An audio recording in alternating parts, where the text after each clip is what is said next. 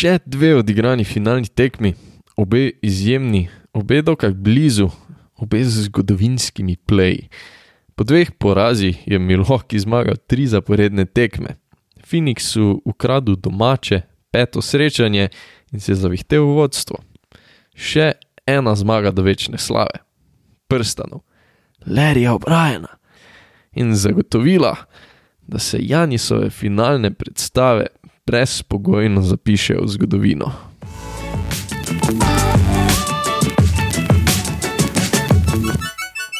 V prejšnji epizodi smo obdelali prednosti in slabosti obeh ekip. Ugotovili, da noben od takrat odigranih srečanj ni bilo res blizu in da imajo obojni precej prostora za izboljšavo v določenih aspektih svoje igre. Težko izpostavim, kak fejs je dobra finalna serija mi je. Iskreno, od teh, kar sem jih gledal, jo po moje nese sam 2-16, ker je dober basket, precej izenačeno, very nice. Tekmo 4 je zaznamovala obrambna akcija Janisa Antetakumpa, ko je dobro minuto pred koncem, ko so imeli Sanci priložnost za izenačenje, blokiral poskus zabijanja Deandreja Aitona. Blokada, ki je po vsej verjetnosti tekmo do konca zanihala na stran Milwaukeeja, izjemno težka blokada. Tisti, ki ste poslušali že kak drug recap tekme, ste kaj podobnega verjetno že slišali, ampak Booker je prodiral, Janis mu je mogel zapreti pot in s tem prostega pustiti Aitona. Janis pa je po Bookerjevi A-Lube podaji uspel pravočasno reagirati, se obrniti in nad obročem blokirati Phoenixovega centra. Praktično je v eni akciji pokril dva košarkarja in obranil eno najučinkovitejših iger v košarki, ko branilec preprosto proti obroču vrže žogo prostemu centru. Janisova blokada je akcija, o kateri se bo še veliko, veliko govorilo. Če Baksi osvojijo, pa bo verjetno kar signature move letošnjega finala. Poleg tega bloka pa bi težko rekli, da je imel Janis neko noro tekmo. Če pogledaš statistiko, sicer spet 26 pik, 14 skokov, 8 asistenc, ampak v napadu ni izgledal tako dominanten, tako agresiven kot na prejšnjih dveh tekmah, ko jih je capno 40. Je pa posledično več pripravljal za svoje soigralce. Glavnina njegovega efekta na tekmo, tisti po mojem mnenju pomembnejši del, pa je prispeval v obrambi. Tri ukradene žoge, dve blokadi. Velik del napadalnega bremena je pol prevzel Kris, Cash, Middleton. Majster jih je nasul 40, zaključeval tekmo in imel je nepar časovno popolnih košov, čeprav so bili procenti meta takno, povprečni. Middleton je torej vozil napadalni voz Milwaukeeja in kazal malo več agresivnosti kot pretekle tekme. Poleg omenjenih košarkarjev pa sta hvala Bogu svoje prispevala še Pat Connaughton in Brook Lopez, ker je bil Drew Holiday ponovno treš, kar se napada tiče. Od druge tekme dalje sicer oddela svoje v obrambi, tam je praktično na vsaki tekmi boljši, v napadu pa je Holiday na četrti tekmi prispeval 13 točk ob 20 odstotnem metu iz igre. Brez zadete trice, kljub petim poskusom. Ajajaj. In glih zaradi tega, ker ne moremo glih reči, da je Milwaukee igral noro, da so dominirali, pa da so bili vsi glavni zvezdniki v svoji najboljši luči, bi pa tu le mogoče celo res lahko rekel, da so Baksi četrto tekmo ukradli. Sploh, če v zakup štejemo, da je Devin, Armani, Booker dosegel 42 točk. Statistika izven točkovnega izkupička je bila sicer maljalova, ampak Buk je imel napadalno pošastno tekmo. Niso ga mogli pokriti, skinujo vse, kar se je dalo skiniti, sicer imel kar hitro težave z osebnimi napakami, do česar še pridemo, ampak mirno lahko rečemo, da je Buk en najboljših offensive playerjev v ligi. Ko je vroč, ko je v svojem elementu, ni obrambe, ki bi ga bremzala. Če pa ga že bremza, pa to pomeni sam ene 15 pik na četrtino. Noro. In če je imel Bog tekmo za Almanahe, je imel CP3 eno najslabših tekem v svoji karieri, sploh pač torej, če v zakup štejemo oder, na katerem igrajo, njegovo nalogo in kak je botlal eno ključnih posesti, tako na tekmi, kot mogoče celo v seriji. Pol je iz igre metal 39 odstotno, imel sam 10 točk ob petih turnoverjih.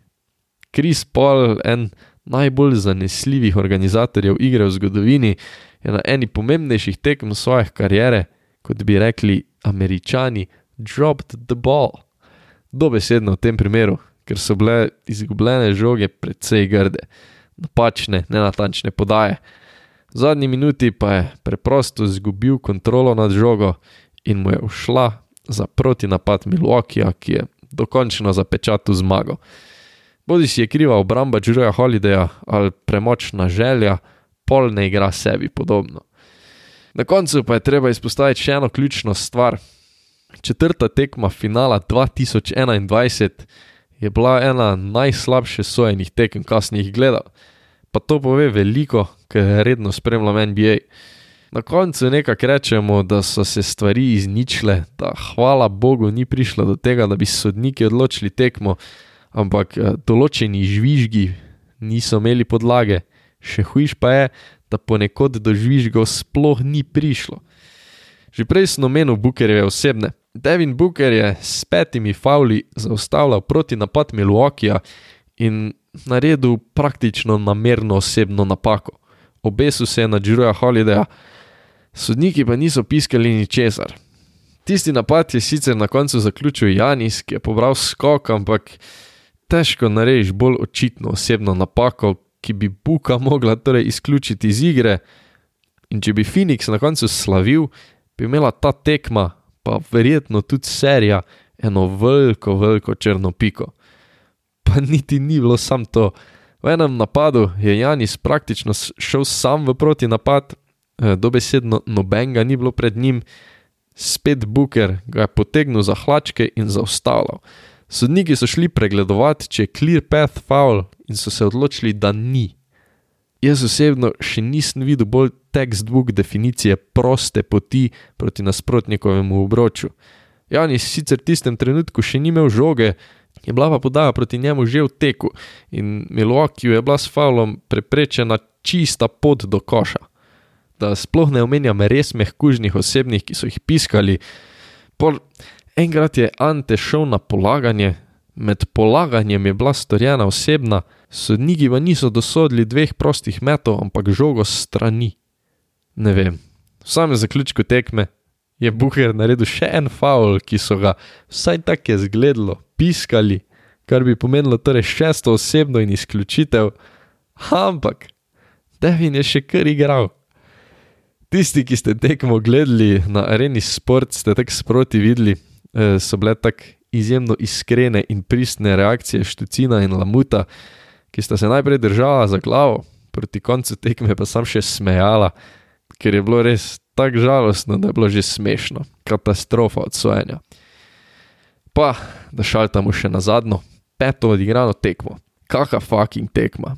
Milwaukee je v Phoenixu vzel srečanje v gosteh in poskrbel za še eno statistično anomalijo. Obe ekipi sta, ko pogledaš statistiko, igrali izjemno, neverjetno. Je pa igra Bucksov štela mal več, bila boljša uporabljena, ampak res še enkrat neverjetna serija. Phoenix Suns so izgubili kljub temu, da so metali 55 odstotkov iz igre, 68 odstotkov za 3 in 91 odstotkov iz črte prostih metov. Ponovno smešno. Po drugi strani so tudi Bucksi metali 57 iz igre in 50 za 3. To je nerealno. Ampak, kot sem že omenil, play Bucksov so mogoče malo več šteli. Sonca so v prvi četrtini izgledala res dobro, tudi po zaslugi Milwaukeeja, ki je igral katastrofalno. Bucksi niso razvili lepe igre, eh, odločili so se za slabe mete, tudi Chris Middleton je naprimer šel 1-7. Sansi so prišli na 16 pik razlike, a je v drugi četrtini prednost skupnela, Milwaukee pa vodstva ni več spustil, čeprav je bilo na koncu zelo, zelo blizu. Začnimo tokrat s Phoenixom. Devin, Armani, Booker, back-to-back 40 točk. Spet je imel noro strelsko predstavo, ki je nekako vlekla Phoenixov voz, sem tule bilo pa opazno nekaj, kar je po mojem mnenju kar hendikepiralo igro Sansov in lahko neposredno navežem na Krisa Pola. Pol je igral precej boljš kot na prejšnji tekmi, statistika to potrjuje, 21 točk, 11 asistenc, vseeno pa ne morem reči, da je igral dobro. Tega ne morem reči, ker praktično ni razvil Phoenixove igre, ki jih je krasila skozi celo sezono. Skozi sem onaniral, kako mi igrajo lepo, da je bolan basket. No, na tej tekmi pa kljub individualnim statistikam ekipa iz Arizone ni razvila tiste moštvene igre, ko žoga gre, ko ima pol v rokah, pa razstavlja obrambe, da lahko so igralci polnijo nasprotnikov koš. Tega preprosto ni bilo. Posledično je Booker igral, po mojem mnenju, preveč izolacij, imel velik, velik žogo v rokah, včasih mal posiljeval mete, pa sam zaključeval. To jih je pripeljalo do dokaj izenačene tekme, ipak je imel človek 40 pik, a po mojem tudi mal pripomoglo k temu, da niso zmagali. Tega, kar je sonca pripeljalo tako daleč, na tej tekmi ni bilo glih videti. In tako pravim, čeprav na koncu gledam statistiko, pa ne morem verjeti, da so tekmo zgubili, je bilo med samim srečanjem kar očitno, da so odstopili od svoje igre. Škoda. Nekak bi pol rekel, da je s tem, ko CP3 ni res zagnal motorja, tudi igra Diandrija Aitona nekako ni imela takega vpliva, kot ga ima ponavadi. 20 eh, pik, 10 skokov, čisto ubijalske številke, ampak naveza v pick and rollu ni delovala tako, kot bi mogla, ali pa tako ponavadi. Aiton je za sistem napada ključen, Phoenix pa na tej tekmi ni imel glih tistega svojega sistema napada. Zdaj, lahko mogoče razlog iščemo tudi v tem, da naj bi imel polži od prejšnje serije poškodovano dlan, kar itak ni fajn, uh, ampak ko gledam, kje je igral Drew Holiday, hit podvomim, da je poškodba razlog, da pol ni pravi. To je bila Holidayova tekma. Od začetka do konca. Se je imel skozi letošnjo končnico že nekaj dobrih tekem, veliko več jih je bilo sicer poraznih, ampak uh, ta je pa potenca tistega, kar se je od njega pričakovalo. Eliten, tako v napadu, še bolj pa v obrambi, kljub temu, da je hitro, že po pol četrtine, dobil dve osebni. Do konca srečanja pa jih je pol zbral sam štiri. Prispeval je 27 točk, 13 asistenc in pojedel košarkarje, ki jih je kriv. Veliko večino torej CP3, na koncu tretje četrtine pa so ga dali na vročega bukerja, ki pa ni mogel nič. To je ta Džirujeva obramba, ki jo vsi izpostavljajo. Pika na i pa je bila tista akcija ob koncu tekme. Devin je napadal, Džiruga je zaklenil in mu praktično iztrgal žogo z rok, jo pajsnil, šel napad in jo vrgel na Eliju Pjanisu, ki je šprintal kontro, žogo prejel ene 28 metrov nad obročem in jo kucnil pod osebno napako. Češna na torti back-to-back tekmi, v obeh je na koncu prevladala obrambna akcija, pa obe sta bile res seksi. No, tudi še sam hit rečem, ne vem, ko je imel ob tem kucanju Anteta Kumpa CP3 ga za potiskat, eh, ko je človek v polnem sprintu in skoči, tega pa v luftu potisneš, nevarno, to je weak move. Eh, ampak ja, Džiru je končno igral na obeh straneh igrišča, Je bila pa to prva tekma, ko se mi zdi, da so dejansko vsi trije Milwaukeevi zvezdniki prišli špilat. In na koncu so vse tri rabili, da so zmagali. Se pa zdi, da če jim uspe tako predstavo ponoviti, da imamo nove prvake. Po katastrofalni prvi četrtini je Middleton procent meta dvignil na 52 odstotkov in prispeval 19 točk, Janis pa tudi v tekmah, ko niso ravno grško obarvane, prispeva svojo normo. 32 pik, 9 skokov, 6 asistenc in elitna obramba. Je pa, proste, ponovno metal 36 odstotkov za ugulak. Pol je imel Milwaukee peta konetona, ki je skinil 4 trice, Lopeza in Portisa z 9 pikami, na drugi strani sta imela Bridges in Crowder čez 10 točk. Izjemna tekma, zmagala pa je boljša košarka, kar se sicer zdi samoumevno, a v osebnih statistikah ni tako očitno. nore individualne predstave in končno kompleten prikaz Milwaukeeve trojice. Phoenix se ne sme opotekati okoli svojih glavnih prednosti, Kris Paul pa more, če hočejo Sansi izvleči sedmo tekmo, nadigrati zagrizeno obrambo Džuruja Holidaya, ker brez njegovih motorjev niti Bukerjevih 40 ni dovolj.